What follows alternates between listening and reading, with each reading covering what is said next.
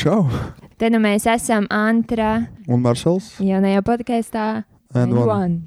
Kas ir tas, kas veido cilvēka dzīves stilu? Kas nosaka dzīves vērtību un identitāti? Cik liela nozīme ir dzimumam, rasei, politikai, finansēm, kultūrai, apkārtējai videi? To visu vieno būt laimīgam. Jautājums, kur to var atrast? Vai tomēr mēs to paši varam radīt, veidojot tādu dzīves stilu, kādu vēlamies?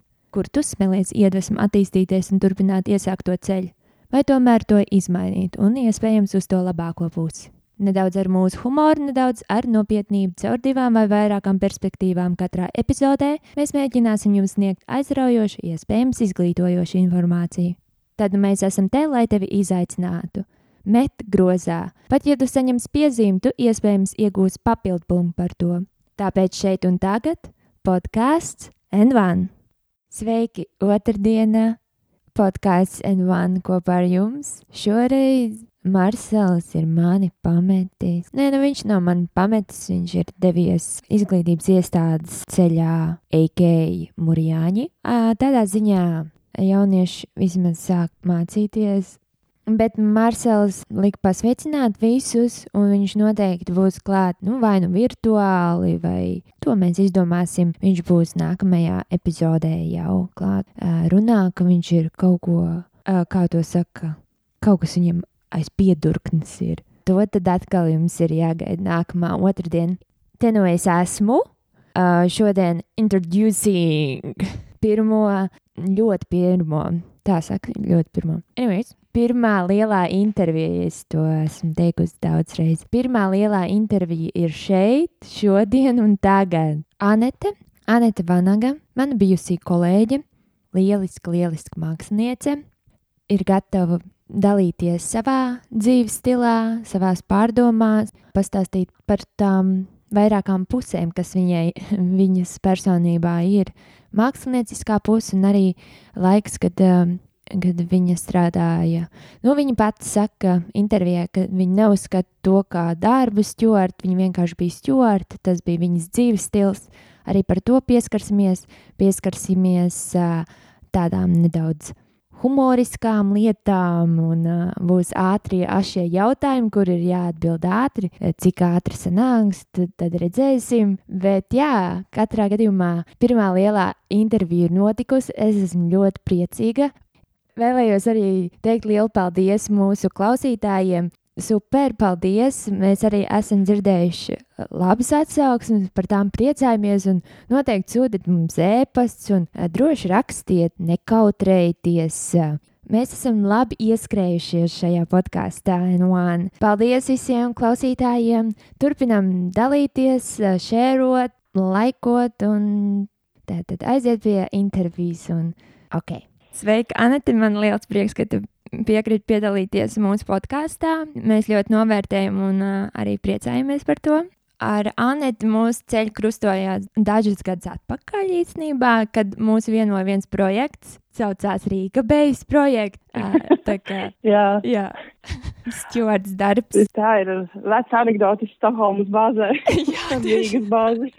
jā, par to laika gaitā mēs parunāsim, bet uh, strādājot kopā ar tevi, uh, es pamanīju, ka nu, tu neesi tā, kas sēdēs mājās tāpat vien, tu esi radoša personība, un, un uh, ja tev bija kāda brīvdiena, tad tu noteikti kaut kur aizceļoji vai izveidoji izstādi vai veidoja savas meistarklases, lasīja grāmatas. Nu, vienkārši jā, aktīvs cilvēks. Tālāk, es vēlējos te uzaicināt uz mūsu podkāstu, lai tu pastāstītu par savu dzīves stilu, par tām gaitām. Un uh, pirmais ir podkāstu titulu runā, mēs paši uzdodam tādu tā retorisku jautājumu, kas ir tas, kas veido cilvēku dzīves stilu. Tad es jautāšu tev, kas ir tas, kas veido cilvēku dzīves stilu tavuprāt? Es noklausu, sveiki, droši vien jāsveicinās sākumā, sveiki. es esmu Anete.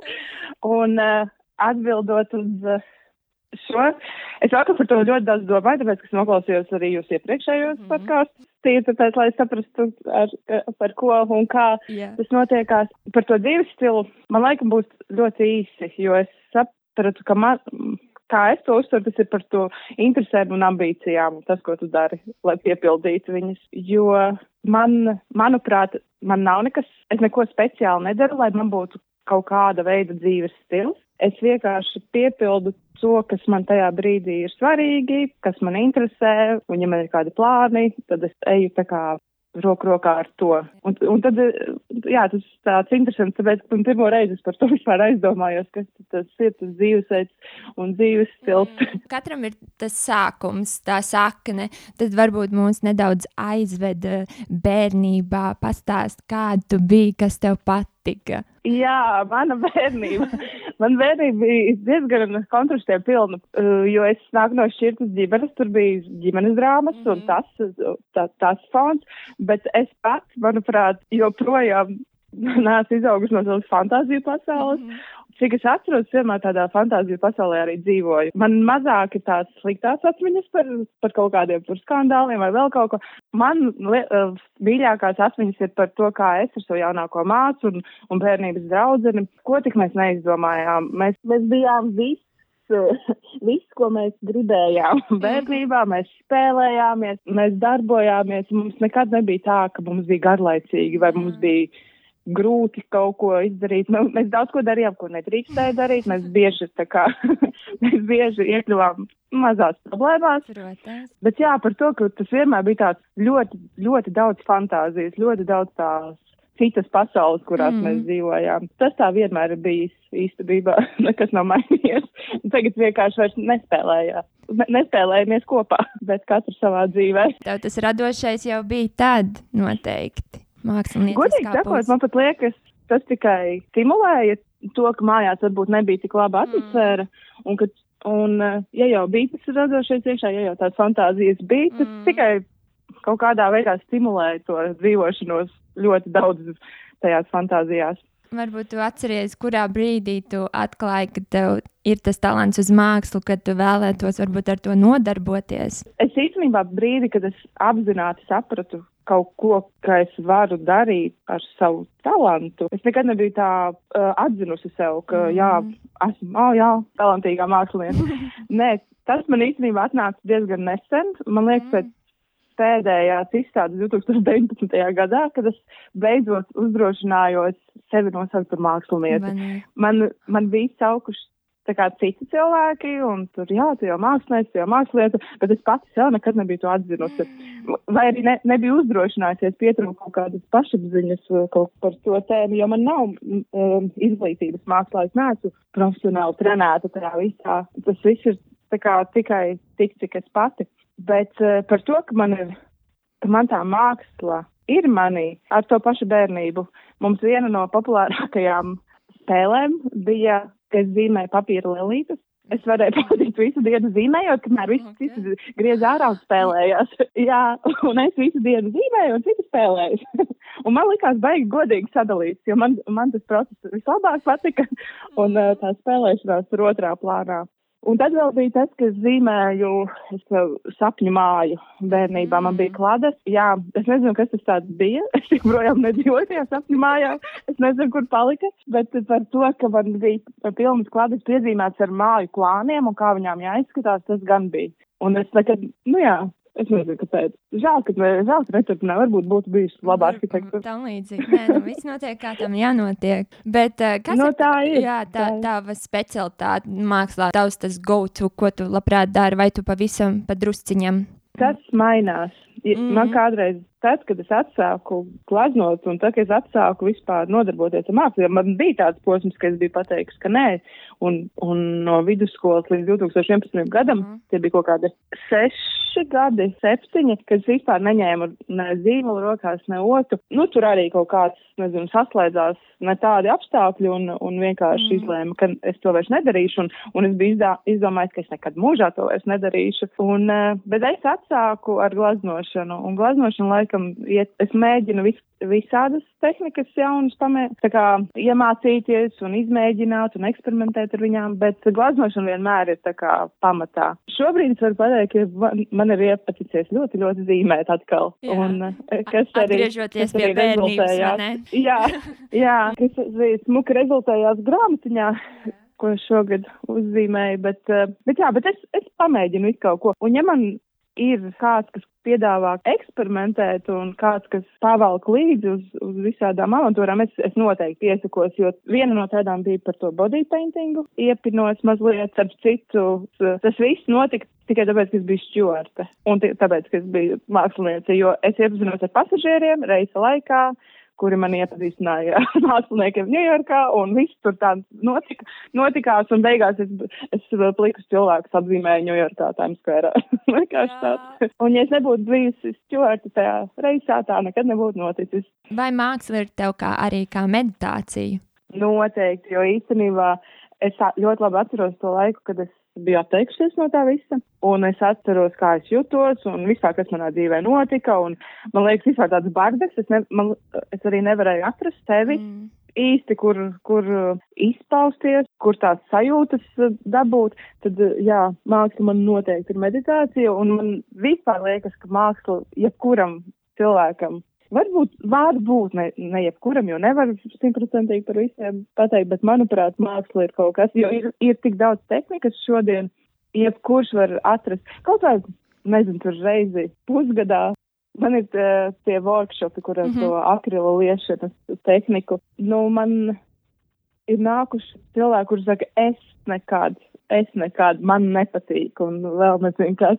Un tad mēs tā padarbojamies, jo tas jau nav par rezultātu, tas ir par to procesu, un, un tas ir, nu kā tev jau smadzenes reaģē uz krāsām, uz mm -hmm. sajūtām, un tā ir meditācija, un tad tu tā esi ar sevi darbojies, un Mm. Jā, jā, noteikti, noteikti. Man tā noteikti ir meditācija, un es ticu, ka arī citiem cilvēkiem. Jā, es arī tieši vēlējos jautāt, vai tas arī var palīdzēt cilvēkiem, un tu jau atbildēji uz to, ka tas noteikti jā. var kaut kādu to stresu noņemt, vai, nu, ja tev ir, ja tu esi kaut kādā dumšā brīdī savā dzīvē, tad tas noteikti var palīdzēt. Nu jā, bet tas arī, tikko vienkārši iedomājos, jā, tas var palīdzēt, bet droši vien cilvēkam jābūt kaut kādā emocionālajā stāvoklī. Jūs iedomājat, ka ja cilvēks ir ļoti, ļoti neapmierināts ar kaut ko, un es tagad viņam likšu kaut ko ar mākslu darīt, un, un būt pacietīgam, un baudīt, un vēl nezinu, mm -hmm. tur viss pa gaisu var arī aiziet. Bet tā arī varētu būt kaut kāda veida meditācija. Jā, varētu nu, mest krāsas. Me,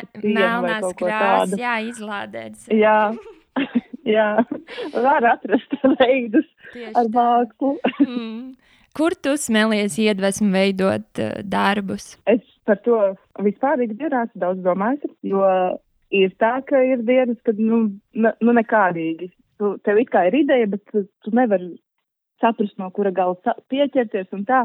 Laikam man personīgi tā recepte ir uh, disciplīna. Jo vairāk es daru, jo vairāk es varu izdarīt. Un tas ir īstenībā interesanti, jo ka, liekas, ai, māksla, māksla. Nē, mākslā vajag arī papildus stimulantus tur.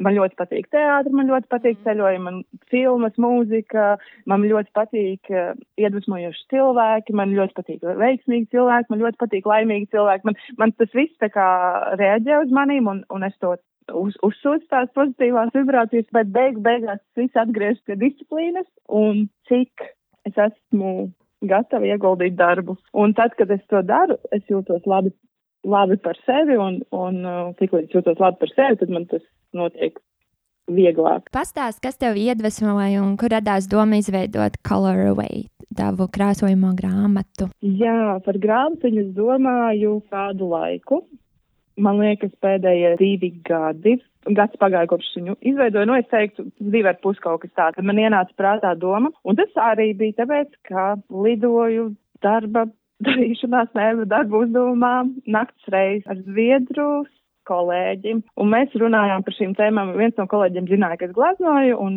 un tam mūsu kolēģe, viņa rakstīja dzēju. Viņa tā runāja par grāmatiņu, ko tur tā tur, un es, tas jau arī veicina to domāšanu un tās idejas, ka tur sarunājās ar citu radošu cilvēku, un viņi tur runāja par savām idejām, un, un man bija tāds, jā, es arī gribu kaut ko kaut kādu rezultātu, un tad man sākās visādas tādas domas, a, kas tas varētu būt. Un par to, ka es gribētu grāmatu, es vienmēr no bērnības man liekas, ah, es gribētu kādreiz par mani uzrakstīt grāmatu. Nu, protams, ka tā nebūs, bet kaut kā es to savu grāmatu esmu dabūjusi. Tieši tā. Es, tā kā varbūt nav uzrakstīta, bet ir uzzīmēta. Tas bija ilgi, jo, pateikšu godīgi, ar mūsu darbu iepriekšējo tas nebija baigi viegli apvienojams, jo tu pats droši vien atceries, cik tas Mm. prasa daudz enerģijas un laika būt stjortēji, un tas ir, un tas ir dzīvesveids, un, un nav tādas, un tu tur nevar neko izdarīt, tā vienkārši ir. Nu jā, un es tā kā mēģināju, pirmie zīmējumi man tapa jau Zviedrijas laikā, bet man nekad nepatika līdz galam. Es nevarēju atrast to konceptu kaut kā, ko es tad gribu tajos zīmējumos izstāstīt, kas tur ir. Pagājušā gada februārī es beigi izdomāju, ka man bija atvaļinājums, es braukšu uz Taizemi. Viena pati. Labi, oriģināli nebija domāts vienai pašai, bet tur privātajā dzīvē sanāca tā, kā sanāca, un es paliku viena.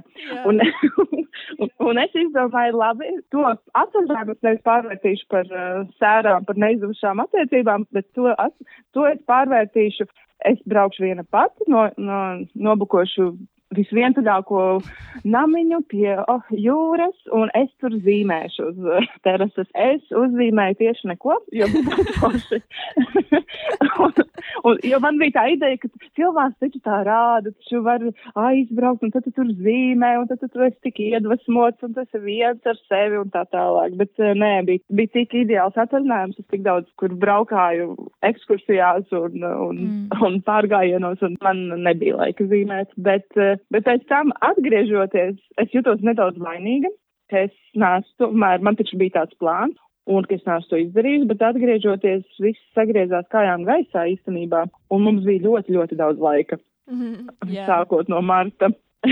ah, un vēl viens stimuls bija, es pēc tā atvaļinājuma biju pie māsas slēpot un salauzu roku. Un tad uz mēnesi tieši labo, un es esmu uh, labroce. Un to mēnesi es tā sevi šaustīju par to, ka es neesmu neko uzzīmējusi, jo tagad vesels mēnesis piesiedu kārtā, es to nevaru darīt. Un tad man bija tāds, nu jā, viss tik līdz ģipsis nostāv, visas zīmēju. Joprojām man nebija tā, ka tie zīmējumi, pirmie zīmējumi Zviedrijā tapa, jo pirmie īstie zīmējumi tapa tagad, kad es atgriežos maijā Latvijā. Jo uh, es zīmēju, bet man joprojām nebija tas koncepts, uh, man joprojām nebija līdz galam, jā, šito gan es gribu jā, jā. tā kā nodot tālāk. Bet, uh, jā, tas, tas bija tāds diezgan garš process, bet tad, kad aizgāja, tad tas viss notika piecos mēnešos. Un tagad ir valkos skaisti. Jā, tas, nu, tas vēl tā kā tīra zīmēšanas daļa bija pieci mēneši. Un vispārējais man ļoti, ļoti patika sadarboties ar Jelgavas tipogrāfiju. Viņiem, viņi bija nu, ļoti atsaucīgi un ļoti, ļoti patīkami. Un es domāju, ka reklāma Jelgavas tipogrāfija. Jā, tieši tā. man ļoti patika. Kam ir domāta šī grāmata? Varbūt, vai tā arī būtu kā laba dāvana? Par uh, grāmatu, manuprāt, zīmējot, man likās, ka tas būs tāda sieviešu lieta. Tas ir, es esmu 33 gadus jauna sieviete, kas vispār šogad ir nodevusies tādā sevis izzināšanas um, mākslai un procesiem un ļoti, ļoti klausos un strādāju ar sevi un, un jo tam ir pirmoreiz dzīvē ir bijis laiks. Un tad man likās, ka tas būs tādām sievietēm kā es. Bet tā, ka grāmata tika sākta tirgot, un tad, kad nāca pirmās atsauksmes, un, un vispār atsauksmes ne tikai pirmās, ka tā grāmatiņā ir plašākam lokam, jo tā arī ir tāda meditācija, un es mēģināju saprast, kas tas tāds ir par krāsojumā grāmatu, jo es, es atzīšos, es nekad pati nebiju krāsojis grāmatas, jo man neinteresēja, man interesē viņas zīmēt. Jā, Bet es, tāpat kā lēles. Jā, un, un tas bija tāds, ka man likās, es tā kā redzu to mērķa auditoriju, bet es pats īsti neesmu no krāsotājām. Bet es atzīšos, es, es saņēmos, es sapirku tos flamīšus, es domāju, man ir tas jādara, lai es zinu, kā tas ir. Aizgāja tā lieta, bet tas laikam ir par visi procesi, kur tu no hausa ievies kaut kādu kārtību. Tā ir tie meditatīvie nezinu, nodarbošanās, ka tu tur sēdi un tu, tev tur ir jābūt. Tas neprasa mm. pārāk daudz zināšanas vai kilus vai, vai Jā. vēl kaut ko. Tas, tas vienkārši ir tāds, tu sēdi un tu dari, un tu esi tur uz, uz vietas ar, ar sevi, un tu pārāk daudz vienkārši nedomā. Un tu domā tikai par to procesu, par krāsām, ko tu iz, izvēlies. Un vispār man uh, iepatikās. Bet es zinu, ka nav tikai sievietēm. Es zinu, ka ir pāris draudzenes atzinušās, ka vīri ir piesavinājušies šo grāmatiņu un, un arī bērni viņu krāso. Varbūt priekš bērniem es šaubījos mazliet tāpēc, ka tur nenormāli daudz detaļu, bet es laikam neprotu savādāk. Un, un viņas ir smalkas un, un mhm. varbūt tā pacietība tur nevarētu būt tik liela. Izrādās no maniem klientiem es klausos, ka arī bērni, bērni tam ir pieķērušies un, un Tāpēc ir grūti pateikt, kam tieši. Jā, es teiktu, mērķa auditorija ir tā kā droši vien vairāk uz sieviešu pusi, bet uh, mm -hmm. nekad nevar zināt, nekad nevar norakstīt nevienu. Uh, kur var iegādāties tavu grāmatu? Es zinu, ka arī Jāņa Roža grāmatnīcā mēs bijām. Jā, un... šobrīd ir uh, Jānis Roze grāmatnīcās, nu šobrīd vispār viss ir tikai online. Es ļoti gaidu to brīdi, kad vairs tā nebūs. Jā. Grāmatnīcā Globus un M50 dizaina veikalā Rīgā. Mm -hmm. Liepājā pēc visiem ierobežojumiem būs arī mākslas salonā Ludviķis. Arī mājaslapā Coloraway. Ah, jā, mājaslapa, tas ir mājaslapa. Nu, jā? es aizmirsu. Jā, pareizi. Ir tas mājaslapa www.coloraway.lv. un tur vienmēr var iegādāties. Arī par šo Anets uh, pārakstu arī var jā, iegūt. Vai tas tā? Jā, uh, caur mājaslapu arī to var norganizēt. Veikalos, diemžēl, es nevarēšu. Nē, varbūt tur varēs uztaisīt kādu, kā to sauc, atklāšanu vai kaut kā tādu. Es noteikti, jo šobrīd es glaznoju glazmas no šīs grāmatas. Man tā kā tā nebija domājis, bet man sanāk, ka es esmu veselu skiču grāmatu uztaisījusi priekš sevīm. Okay. Citi cit viņu krāso, bet es viņu tagad glaznoju, jo man, eh, jā, man kaut kādi zīmējumi ļoti, ļoti pašai gāja pie sirds, un es mm. izdomāju, ka es viņus arī glaznošu. Un noteikti es nezinu, kurā brīdī, kā vispār pasaulē notikumi attīstīsies un, un kas kā būs, bet uh, izstādes būs un uh, atklāšana būs.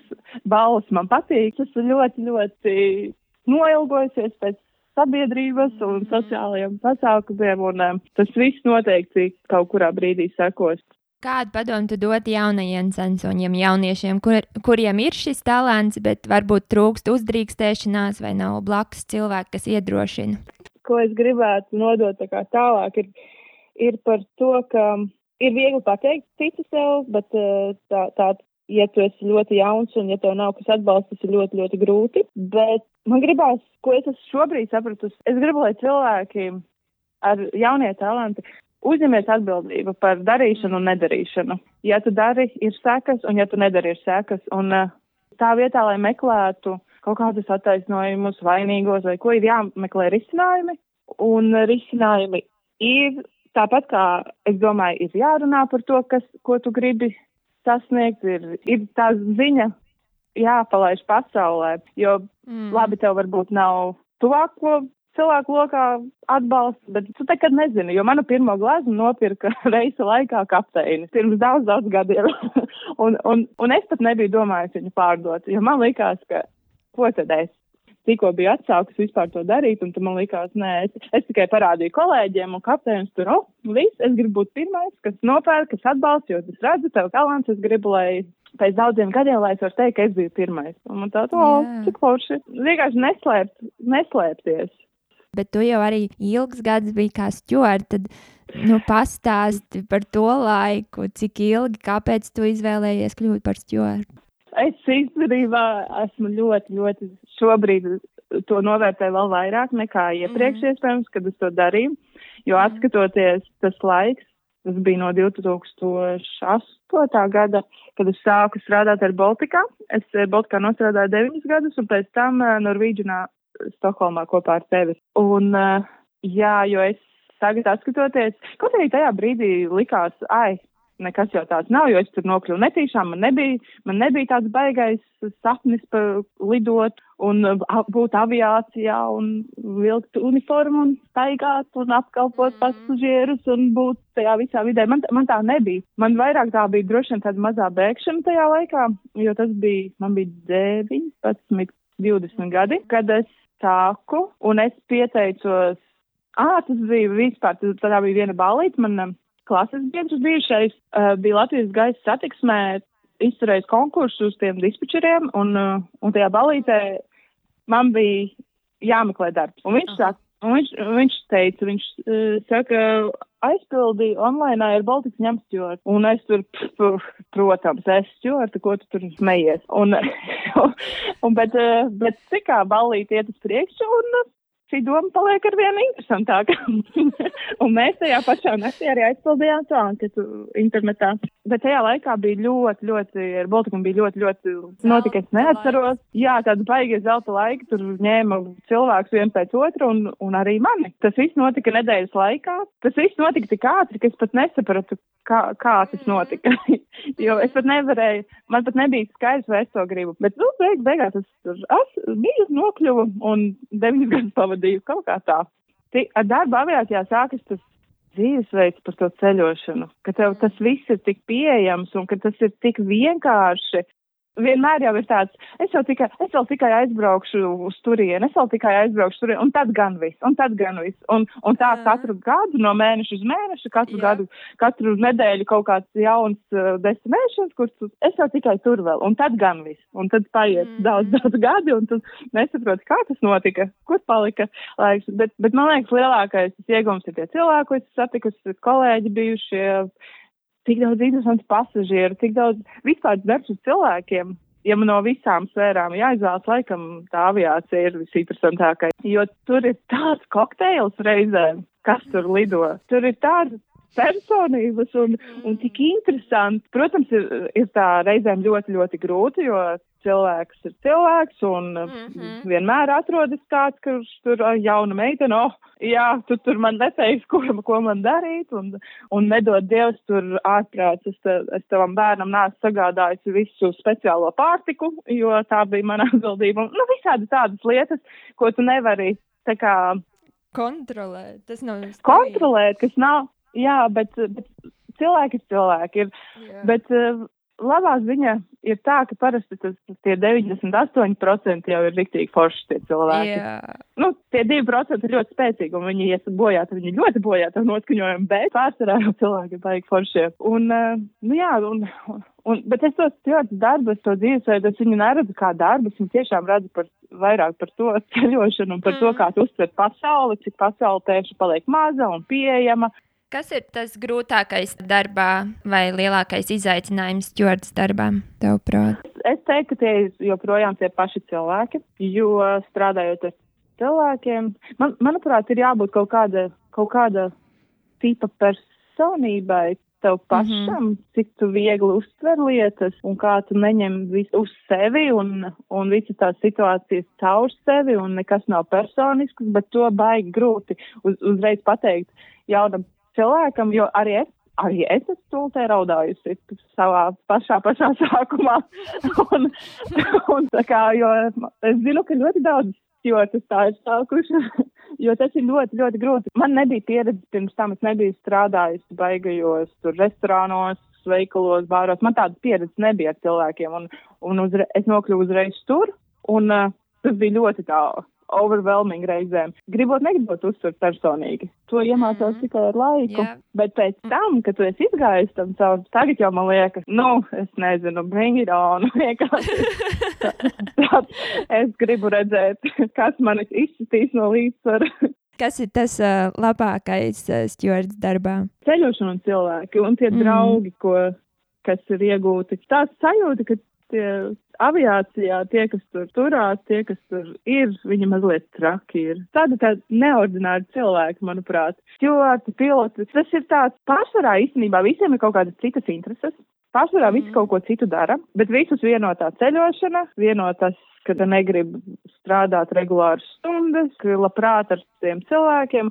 Kaut kā tas, tas ir tik grūti aprakstīt mm. vispār par to, jo es to neredzu kā, jā, man bija darbs es biju stjorta. Es to redzu, ka es, biju, es vienkārši biju stjorta. Un viss, un, un tam visam nāk. Nē, zini kā, es atceros par tām sliktajām lietām. Ir, ir ļoti tā kā tāda ēnas puse tam visam, jo tu strādā tās stundas neregulārās, un, un tas nav tikai pa dienu vai pa nakti vai kā, tas ir ļoti dažādi, un ļoti dažādi. Vienreiz tu uz pusdienu aizēju prom uz darbu, citurreiz tu, net Baltikā bija arī uz nedēļu tu aizēju uz darbu prom, un tu ļoti daudz palaidi garām uh, privātās dzīves, Jā. tā kā ģimenes pasākumus, ģimenes visādas lietas. Un, un es atceros, ka vectēvam, nepateikšu, kuru gadu jubileja, un man māsa prasa, vai es būšu. Un, e, un man neviens vispār nav pateicis. Un es tāda, kā, es nesaprotu, kā būs lielās svinības, es nesaprotu, kas notiek. Un tad, kad es prasu, ģimenē, tad, tad bija tā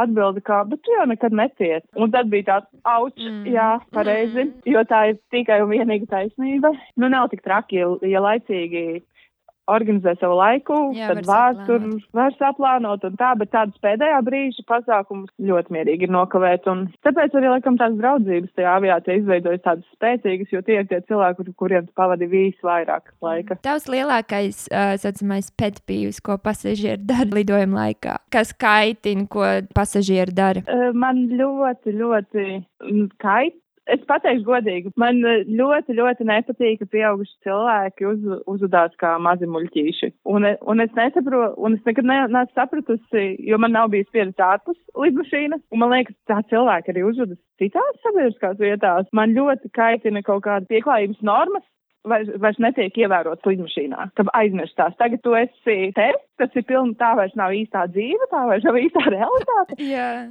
Par sveicināšanos, kad uh, kāp iekšā pasažieris un pieaudz vīrietis, es viņu pasveicinot, viņš man ne, nepasveicinās mm. vai nepaskatīsies virsū sīkums. Man viņš pāri nenodara ar to, bet man vienmēr tas ir licies tik ļoti tiešām. Tas, uh, kā tas tā, arī dzīvē tu tā dari? Nu, tādi sīkumi. Vai ir kaut kāds smieklīgs atgadījums, varbūt kādu atceries? Nāc prātā divi, neteikšu, kurā kompānijā. jā, jā, jā, jā. Abi bija mazliet tādi, tur abos bija alkohols un abos bija droši vien mana sliktā attieksme. Bet, eh, bet eh, Un abi bija uz mazajām lidmašīnām, kur vispār nav privātuma. Bija tāds super mazās lidmašīnas ar super mazajām toaletēm. Principā, ja tu esi nedaudz lielāks cilvēks, vislabāk ej toaletē atmuguriski, jo iespējams toaletē tu neapgriezīsies. un, eh, un mums tur tajā reizē, es, ne, es nepateikšu, kurien lidoja, kādā sakarā, kas bija mani kolēģi, to es neatceros, bet es atceros faktu, ka biznesa klases pasažieri tur pēc daudz, daudz uh, dzērieniem bija nolēmuši pārīt, ka, zini, High Mile Club uzstās lidmašīnas. Un man kolēģi, es atceros, ka mēs abas bijām aizmugurē, bet tā lidmašīna, nu, viņa ir tiešām ļoti neliela. Tu tur trīs soļi un es priekšā. Un man tā kolēģi saka, Anet, paskaties, un es vēl biju vecākā stjorta, tā kā tajā laikā, un viņi saka, Anet, Anet, paskaties, viņi iet to, tā taču nē, nu nē, mums taču ir tikai viena tolta, nu nē, nē, nē. Un man bija tik interesanti, es tik ļoti gribēju redzēt, vai viņi ielīdīs tajā toltē, tāpēc, ka tā tolta ir tik maza, un es kolēģiem saku, pagaidi, tikai tāpēc, ka es gribu redzēt, vai viņi abi ielīdīs. viņi maleči, viņi ielocījās, bet bet tikpat ātri arī izlocījās, jo viņi droši vien saprata, ka tur nebūs nekāds akcents. Un līdzīga tipa gadījums, atceros, bija kaut kāds 1. vai 2. janvārs, arī tā pati mazā lidmašīna. Bija tik tikko jauna kolēģe man, bija mums četri pasažieri, jo 1. janvārī tā var mierīgi gadī, gadīties, ka lido četri pasažieri no kaut kurien uz nolaišanos. Principā tur bija tā situācija, ka tie trīs no četriem pasažieriem bija ļoti sadzēršies, ļoti jau nocinējuši, un bija jau diskusijas, vai mēs viņus vispār ņemam vai nē, jau uz zemes. Bet tā kā man tā sirds, labā sirds, un man liekas, ir četri pasažieri, Tas viens, kas nav iedzēris, viņš ir pašā priekšā, tie trīs ir pašā aizmugurē. Lidojums nebija ilgs, tā bija kaut kāda viļņa, manuprāt, 30 minūtes, un, un gribās, svētku laikā gribās būt labai. Jā, un es domāju, labi, ņemam viņus, ātri, ātri aizvadīsim, kur viņiem tur ir jābrauc, un varbūt viņi pat neatcerēsies, ka viņi lido, bet tas nekās. Bet eh, viss tā kā normāli, viņi, viņi nebija neagresīvi, nekas, tur bija divas sievietes, viens vīrietis, un uh, uz nolaišanos. Uh, jo tā lidmašīna ir ļoti pārskatāma. Es sēdēju mm. priekšā, man uh, jaunā kolēģi sēdēja aizmugurē, tuvāk kompānijai jautriei. Un uh, uz nolaišanos, ka izšķēl signāli ir ieslēgti, un, un mēs paši vairs nedrīkstam celties. Viena no tām sievietēm izdomāja, ka ir īstais laiks nodoties mīlas rotaļām. viņa, jā, viņa piecēlās, uzsēdās un vīrietim virsū. Un, un, un man ir tik smieklīgi, tāpēc, ka droši vien smieklīgi, tāpēc, ka nebija ne, īsti neviens cits cilvēks, un tas cilvēks, kas sēdēja priekšā, viens pats, viņš, viņš vispār tur bija savā pasaulē, un, manuprāt, viņš pat gulēja. Bet vissmieklīgākais bija manas jaunās kolēģis sejas izteiksme, jo tas viņai notika tur diezgan netālu, bet viņa nevarēja viņus tā kā tā kā neko viņi tur nevarēja izdarīt, bet, bet to viņas sašutuva pilno seju, to, cik tas ir briesmīgi un kā tā var būt. Es domāju, nabaga kolēģi, viņi ir tikko atnāks, un arī meitenei 18, 19 gadi, pirmais darbs vienkārši. Es esmu nonākusi? Jā, sēdēju, un pēc nolaišanās viņai zvanu, es saku, tev viss ir kārtībā. Viņa, jā, jā, es, es vienkārši ātrāk, ātrāk, lai viņi iet prom. jā. jā. Tālākā vieta, kur tu esi aizceļojusi? Tālākā vieta, droši vien Austrālija. Mm -hmm. Tā kā tīri, tīri geogrāfiski. Bet ar Austrāliju man paveicās, man labākā draudzene pārcēlās uz Austrāliju. Un strādājot aviācijā ir diezgan vienkārši, kā sa samanedžēt ērtākos ceļus uz turienu un tad, jā, pārīt pāris reizītes aizbraucu. Ļoti patika, ļoti interesanti. Bet es ļoti gribētu uz Antarktīdu un, un Aļasku un Sibīriju. Man kaut kā ļoti velk uz, uz kaut kādiem tādiem galējiem punktiem. No bērnības esmu gribējusi redzēt Balkānu ezeru. Nezinu, kāpēc. Sākoties šim pandēmijas laikam, tas bija kā spēriens tev, lai tu nodarbotos ar mākslu tā pamatīgāk, tā kā, tā kā pamatnodarbošanās. Vai, tu būtu jau darījis šā vai tā, ātrāk vai vēlāk, vai tas bija tā, ka jā, man jānodarbojas ar. Mākslu. Jā, Šitais ir labs jautājums, jo tas ir tieši tā, kā tas notika. Pirms gada apmēram, pagājušā gada sākuma, ar ļoti daudz visādām pārdomām sākās, ar ļoti daudz visādiem, kā, iekšējiem procesiem par to, kas es esmu un kur es gribu būt. Arī tas, ka tās, tās attiecības tur neizdevās, un man arī par to Zviedriju bija ļoti daudz šaubu, vai es esmu tur, kur man ir jābūt, un arī par lidošanu, jo ar lidošanu man ļoti, ļoti šis posms ļoti, ļoti patika, bet uh, tāpēc, ka tas bija tik ļoti uh, laikietilpīgs un tik ļoti savu enerģiju patērējoši.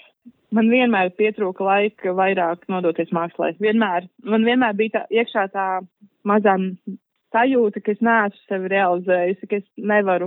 Es esmu tā kā priecīga un tā, bet ne, ne līdz galam laimīga.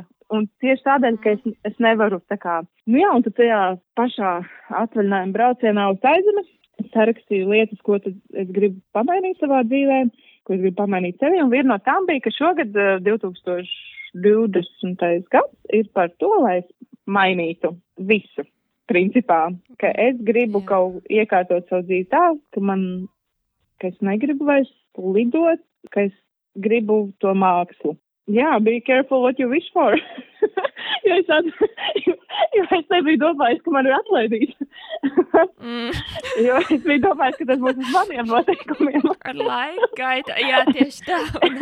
jo, un tad, kad tas viss notika, man likās, nu, nē, es vēl neesmu gatava.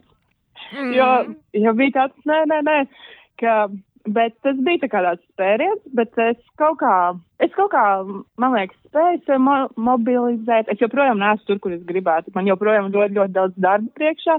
Es esmu mm. sapratis, ka es ļoti daudz ko neprotu. Man ļoti daudz kas jāapgūst. Man ir ļoti, tāpēc, ka, nu jā, tāpēc, ka lidojam, lidojam, priecājos par dzīvi. Jā. Bet man ir pavēries tādas ļoti, nezinu, kaut kādas čakras atvērušās. Man ir tā, ka es ļoti gribu tajā visā ieguldīties. Es ļoti daudz gribu. Uh, sevi ieguldīt. Es, es esmu ļoti, ļoti atvērta pasaulē šobrīd, bet tas tiešām, ja nebūtu šis gads izvērties tā, kā viņš izvērtās, es nezinu, varbūt es joprojām būtu mm, Grand Prix flight attendant Stokholmā. Mm. nē, nē, šitais, uh, lai arī ir grūti, kaut gan par to grūtumu arī.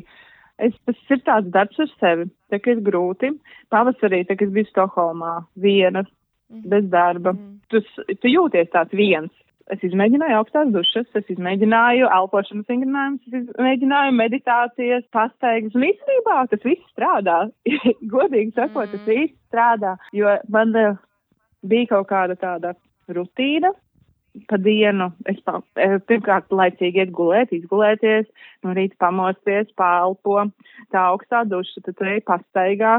Kaut arī tā ir tāda rutīna, tas palīdz kaut kā to emocionālo stabilitāti. Un tad es to visu izdaru, un tad es nāku mājās uz, uz TSE, un tad es tās pāris stundas glaznoju. Un man arī bija tā, ka es pati sev pateicu, viss tagad es 4-5 stundas dienā es glaznošu, un un katru dienu pēc iespējas, nu, ja es kaut kur citur nedavos vai kaut kā tā. Un īstenībā tas palīdz, laikam tas ir par to disciplīnu, ko es arī gribēju nodot tālāk tiem, kas arī grib kaut ko.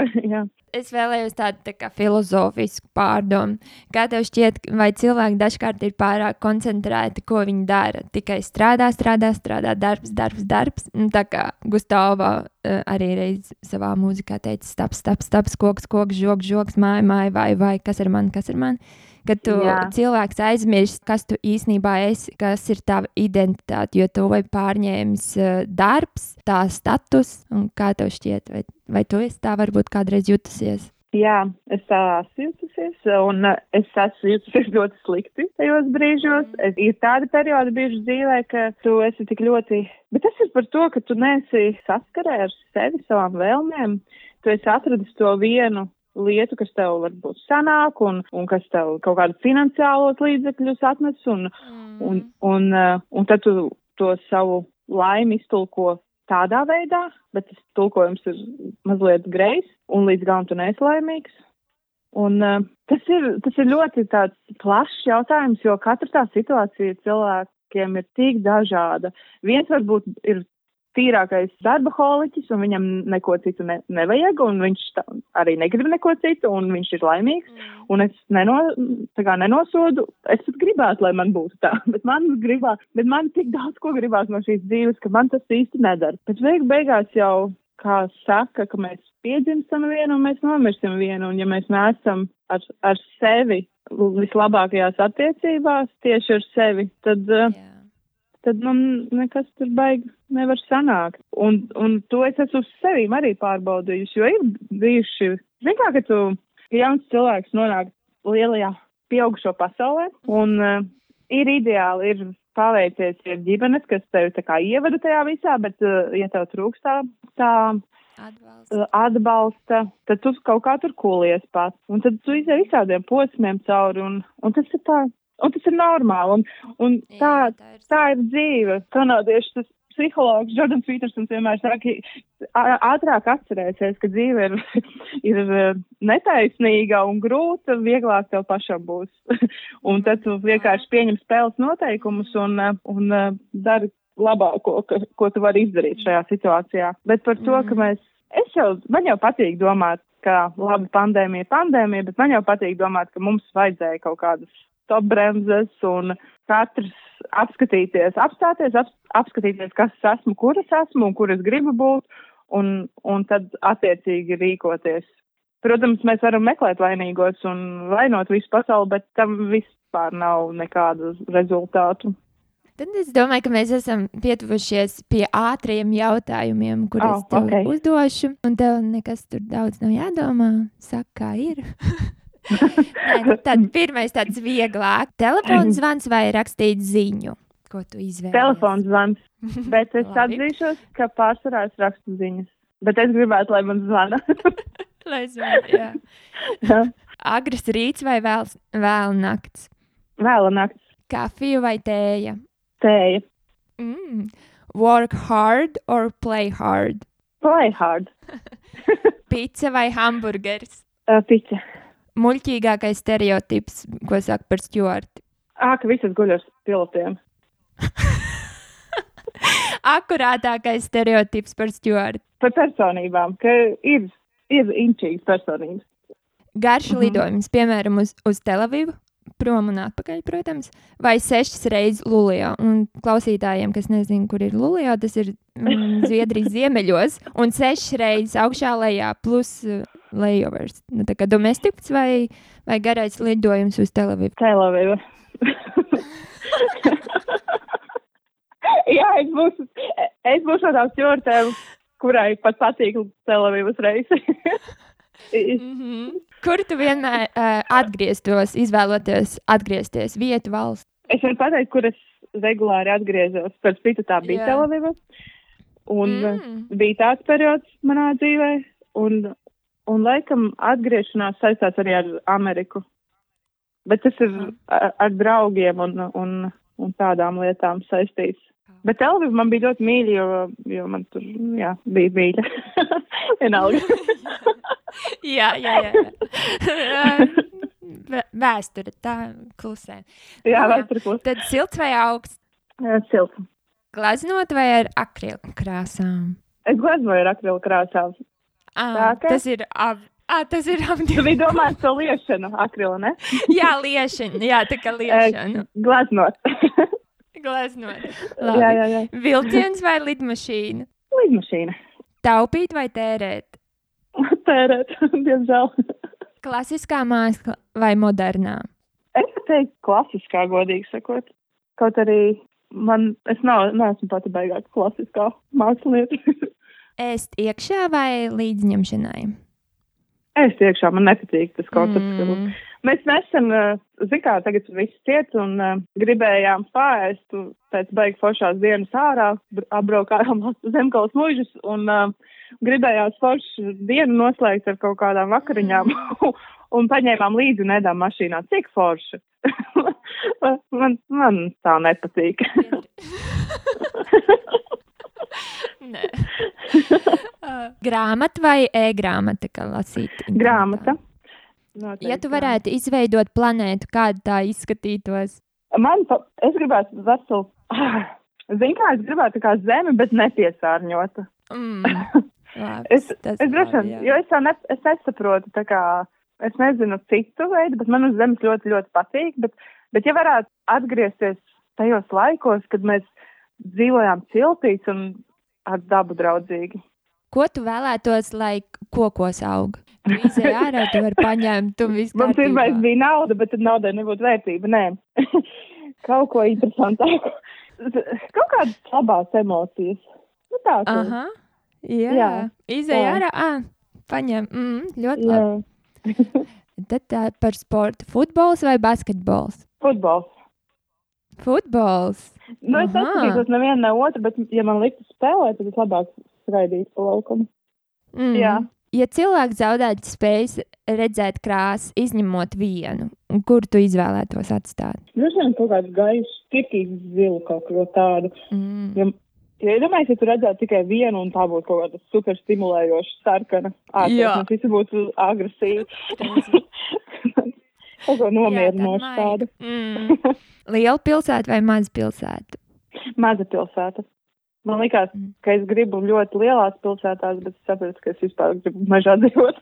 Un pēdējais, ja tev būtu biļete uz jebkuru šovu vai pasākumu, kas, tas, kas tā būtu pa biļeti? Uz Un es kuriem? gribētu visas biļetes uz Broadway mūzikliem. es varētu, ah, man tā patīk, es tā gribētu atkal un atkal. Ā, Jā, Tu esi bijis Ņujorkā arī uz kādu? jā. Broadway Es biju Mm. Ņujorkā un arī, arī Londonā, un oh, man tā patīk. Man patīk tas, tā, ka, bet man ļoti patīk. Es teātris vispār, mūzikli, jā, es varu. Un tad es noskatos, un es pat, man tad pašai gribās iet un dziedāt un dejot, kaut arī neprotu. Nu, Jā. lieliski, tas arī viss ātrajos jautājumos, un arī mēs jau esam parunājuši un uzzinājuši par tevi, tavu radošo gājienu. Kāda ir tavi tie nākotnes plāni un pie kā tu tagad strādā? Tu jau kaut ko pateici nedaudz, bet nu jā, kāda ir tava plāna, ambīcijas un turpmāk Nu plāni? E, Man ir visādi, visādas idejas par to, ko es gribu iemācīties saistībā ar saviem nākotnes plāniem, un, e, bet vispār es laikam, es mēģināšu pieturēties pie tās mākslas. Es saprotu, ka vienā brīdī man būs jāmeklē darbs un tādas lietas, bet es mēģināšu tomēr pēc iespējas turēties šajā valstiņā, un es noteikti, man ir tik daudz idejas par to, kādas grāmatas vēl es gribu uztaisīt un uzzīmēt, un, bet man ir visādas idejas par visādiem projektiem. Es noteikti gribu glaznot, es ļoti gribu tos workshopiņus atkal, un, un man ir tik daudz idejas par to, bet tam visam, protams, tas viss ir jautājums par finansējumu, šobrīd arī ierobežojumu un visādas tādas Mm. lietas. Un tas ir tāds, idejas man ir, galvenais nenobīties un turpināt un, un pieturēties ir jau jāpielāgojas jā. arī grūtos laikos un jādara tas, kas cilvēkam jādara. Bet jā, mm. droši vien nākamais tāds lielākais, ko es gribētu, būtu izstāde, grāmatu nosvinēšana. Mm. Jā, tad tiekamies uz balli kādu, kādu dienu. Jā. Noteikti mēs tiksimies atkal, jā, un uh, tad mēs varēsim klātienē tev intervēt un redzēt, kas, kas notiek. Varbūt novēlējums podkāstu un klausītājiem. Lai jums ļoti laba diena un, uh, un izbaudiet sniegu, tāpēc, ka ir jābauda katrs mazais prieciņš. Tas ir arī Jā. šogad man tāds, ka, ka pietiek priecāties par tikai lielajām lietām, jāpriecājas arī par mazajām ikdienas kaut kādiem sīkmiņiem. Jā, bet es bet man ir novēlējums jums, jūs jauns podkāsts, un, un tas ir tik forši, ka, ka to dari, un, uh, un ka tu darbojies, un, un tā ir liela uzdrīkstēšanās, bet uh, visu cieņu man, uh, man liels, liels prieks, ka tu to dari, un es ticu, ka jūs ar katru raidījumu būsiet labāki. labāki un, un, un ka tas ir tāds ceļš, tagad ir tikai tāds sākums, un uh, izbaudiet arī sākumu, jo sākums būs tikai vienreiz, un apsveicu jūs ar to. mm, paldies, paldies. Jā. Klausītāji, mm, ejiet, apmeklējiet šo website Color Away. Mēs teiksim paldies Anetei. Paldies jums. Paldies tev. čau, čau. Tā bija Anete, Anete Vanagā, iegādājieties grāmatu, ieprieciniet sevi un savus tuviniekus. Peace out! Nu, tā nu mēs esam pietuvušies šīs epizodes izskaņai. Lielas jums paldies par pieslēgšanos un, protams, arī klausīšanos. Mēs ceram, ka jums patika. Turpiniet klausīties arī turpmāk mūsu podkāstu And One. Jauna epizode katru otrdienu. Lūdzam, lejuplādēt un novērtēt epizodi Spotify, Apple vai jebkurā citā platformā, kur jūs dzirdat podkāstu And One. Protams, sekojiet mums arī sociālajos tīklos, kā Instagram ar nosaukumu N1 viens podcast, tāpat arī Twitter un Facebook. Sūtiet mums ziņas, jautājumus un ieteikumus uz e-pastu podkast.n1 at gmail.com, kā arī sūtiet ziņas, ko jūs vēlaties izjokot, un mēs ar tevi sazināsimies. Paldies! Tie esam mēs podkāstā N1, Antra un Maršals. Mēs izraksimies! Tā.